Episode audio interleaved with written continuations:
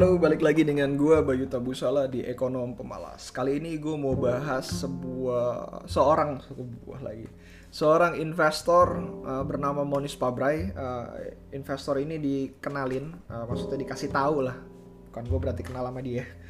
Uh, dari temen gue dan uh, gue berapa kali kayak gue gue seneng banget untuk ngikutin YouTube-nya. Kalau misalkan kalian pengen ngikutin bagian-bagian yang penting-pentingnya ada uh, ada YouTube bernama YAPP YAPPS YAPS itu dia potong-potong dan uh, mungkin kalian bisa dapetin ide jauh lebih baik dibanding ngikutin secara uh, seluruh YouTube-nya gitu. Ya gue, gue suka dengan YAPPS karena gue bisa uh, rewind dengan uh, kategori yang benar-benar gue nggak nggak paham sama sekali.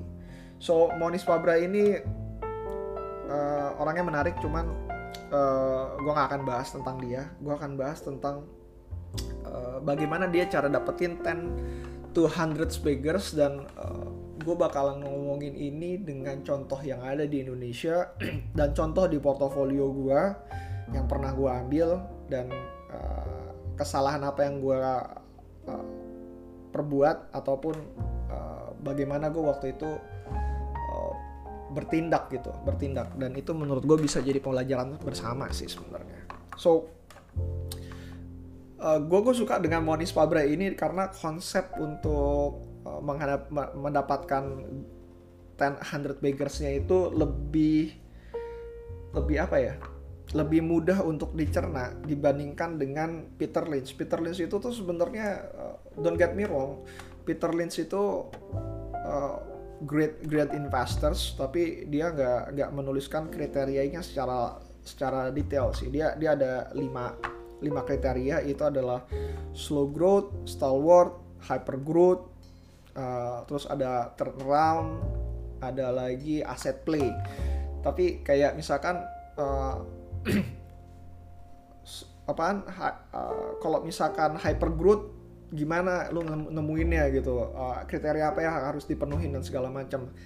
Ya dan akhirnya menurut gue ini di complementary sama Monis Pabrai oke okay, uh, Monis Pabrai itu punya lima juga yang pertama dan kedua. Uh, yang pertama dan kedua jenis company-nya. Dia bilang sebenarnya mirip cuman perbedaannya adalah ya antara yang pertama sama yang kedua adalah yang satu bisa dijalankan oleh completely moran karena one day uh, company yang bagus pun akan dijalankan oleh complete moran. Yang kedua adalah uh, perusahaan tersebut have a great company, have a uh, sorry, have a great management dan need uh, terus udah gitu dan dan they are need to run by a great management gitu. Udah mesti dijalin sama great management, dia juga harus punya manajemen yang bagus gitu dan satu manajemennya juga bagus. Oke, contoh-contoh company yang pertama sama yang kedua. Sorry, uh, kriterianya adalah company have a long tailwind. Long tailwind tuh kayak gimana sih? Pertama, mereka nggak punya utang atau utangnya sangat sangat sangat kecil.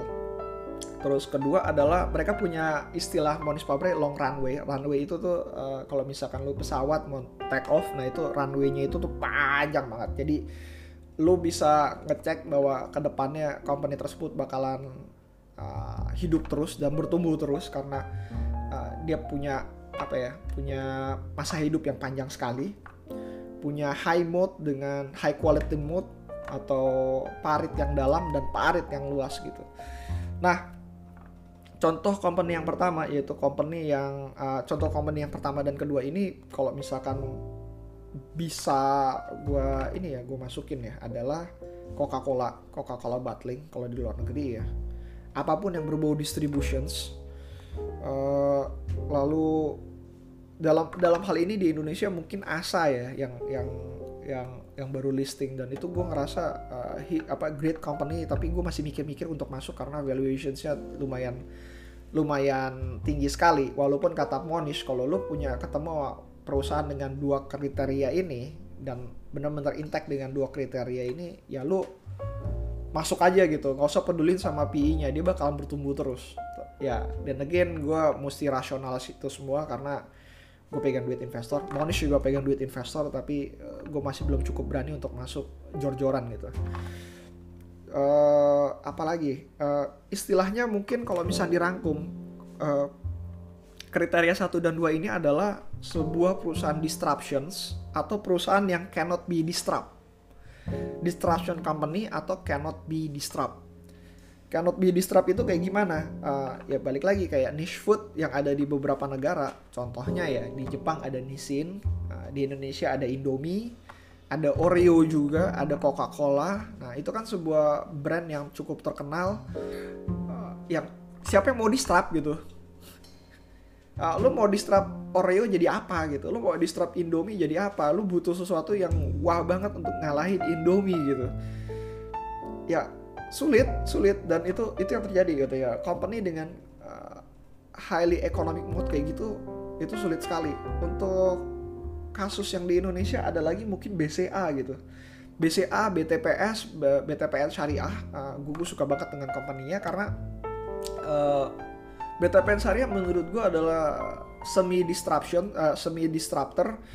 Sa tapi mereka punya mode yang cukup tinggi. Mereka satu-satunya yang uh, menjama bank yang menjama un unbankable uh, unbankable people dengan cara yang menurut gua itu benar-benar firm untuk bisa membuat mereka terus bertumbuh gitu, terus bertumbuh dan uh, ruangannya cukup luas walaupun walaupun yang di serve itu sangat-sangat kecil sekali gitu yang di serve sangat-sangat kecil sekali. Tapi ruang bertumbuhnya mereka benar-benar cukup luas dan uh, let's see lah uh, apa yang akan terjadi. Uh, tapi itu adalah beberapa company yang gue sebutkan di Indonesia yang bisa uh, kalian cek apakah itu oke okay atau enggak menurut gue sih benar-benar oke okay. yang be beberapa kayak BCA, BTPN have a great management dan need to be run by a great management tapi untuk beberapa yang lain yang menurut gue ya tidak menyampingkan bahwa yang buat BD apa yang buat Indofood dan menjalankan itu uh, apa pinter banget gitu ya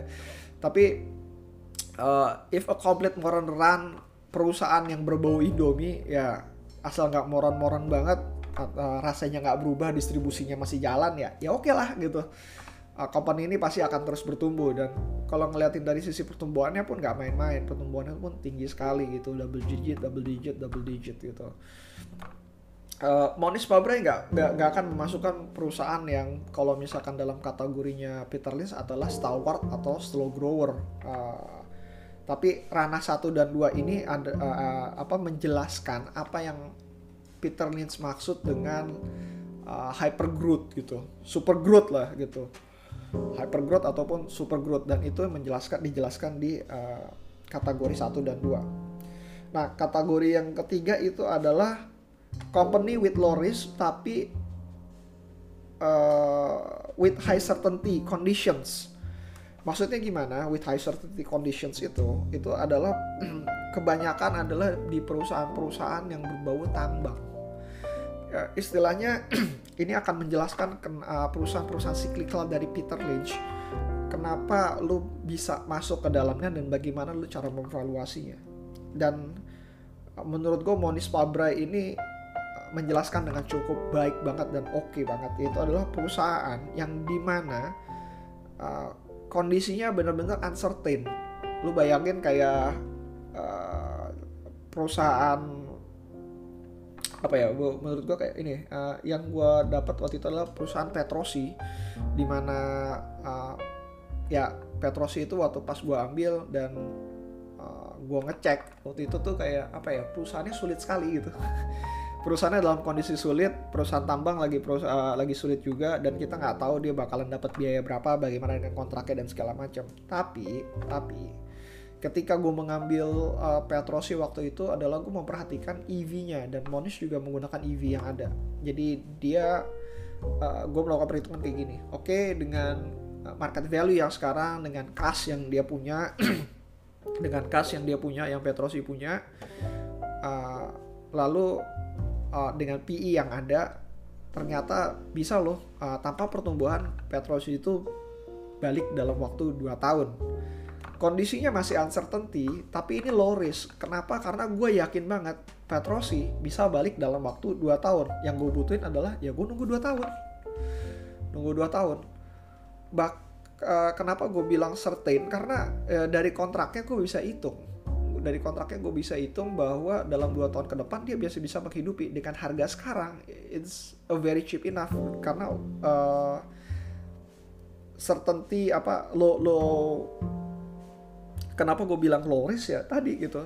High certainty on income tapi low certainty on conditions yang surround dari company tersebut gitu. Dan uh, waktu itu gue lumayan beggars di situ uh, sayangnya waktu itu yang bodohnya adalah gue nggak berhasil masuk ke Indika dan gue sempat ngobrol ini beberapa kali. Indika pun sebenarnya waktu itu jika menggunakan valuasi dan gue pikiran gue benar-benar jernih gue bisa beggars yang cukup tinggi sekali di sana dan sayangnya tidak gitu Petrosi seperti itu dan gue senang banget dengan Petrosi waktu pertama kali gue ngambil Wika Gedung pun walaupun bukan perusahaan siklikal itu sebenarnya adalah uh, gue bisa ngomongin waktu itu adalah low risk with high certainty condition. Kenapa? Karena uh, gini, waktu pas Wita Gedung gue gua gua masukin itu sama aja EV per cash flow atau EV per NI-nya itu under 2. Jadi gue dapetin company secara keseluruhan dan uh, extra cash selama 2 tahun itu akan menutupi semua market kapitalisasi ketika saham itu gue ambil. Jadi at current uh, at that time price gue bisa balik modal waktu dalam waktu 2 tahun gitu. Istilahnya secara kasar kayak gitu. Gue bisa balik modal 2 tahun. Itu yang menyebabkan gue bilang low certainty tapi uh, at uncertain eh sorry low risk tapi at un uncertainty uh, condition. Kenapa uncertainty? Karena pada saat itu semuanya hingga sampai saat ini sih sebenarnya semua orang benci sama constructions. Dan waktu itu gue beli angka 200 sayangnya gue ngerubah tesis setengah jalan. Di mana akhirnya uh, apa ya uh, ketika di harga 400 dan turun 15% gue nggak exit sama sekali. Yang ada adalah gue menambah kepemilikan dan akhirnya gue merugi, menyebabkan kerugian kepada investor gue uh, shitting happens uh, tapi itulah yang terjadi. It is what it is uh, uh, apakah gue bakal menemukan company-company jenis ini lagi? Ya ya ya mungkin aja sih. So uh, tadi find company with low risk tapi dengan high uncertainty conditions. Uh, mungkin konteks yang sekarang pada pada yang sekarang ya hampir semua perusahaan silikal dalam konteks gue bahkan Bika Gedung uh, itu bukan perusahaan siklikal tapi dalam kondisi yang sama gitu ya lo cari company yang seperti itu dan itu bisa uh, beggars buat lo terus yang apa yang berikutnya adalah bankruptcy, reorganization, public LBO, and special situations. Uh, ini gue nggak bisa begitu menjelaskan. Uh, gue akan skip perusahaan ini karena uh, ini cukup rumit. Istilahnya mungkin uh, special situations. Ini nggak ada padanannya di uh, Peter Lynch. Oh ya dengan perusahaan yang tadi itu kalau misalnya di mungkin perusahaannya adalah cyclical atau uh, beberapa dari aset play company gitu. Nah, ini nggak ada padanannya yang sorry yang keempat itu yang tadi adalah public LBO, ada special situations nggak ada padanannya sama sekali. Lo benar-benar harus drill down dengan company itu sendiri lu mesti ngecek uh, kalau misalkan di Yaps gue mesti mesti mempelajari juga. Oke jadi gue skip untuk yang ke keempat dan gue nggak punya padanannya juga di Indonesia gitu karena gue nggak paham. Yang kelima adalah playing with bubble atau upside without downside. Dan ini adalah perusahaan yang menurut gue uh, gue bisa sebut ada perusahaan investasi company investment company kebanyakan perusahaan investment company. Terus uh,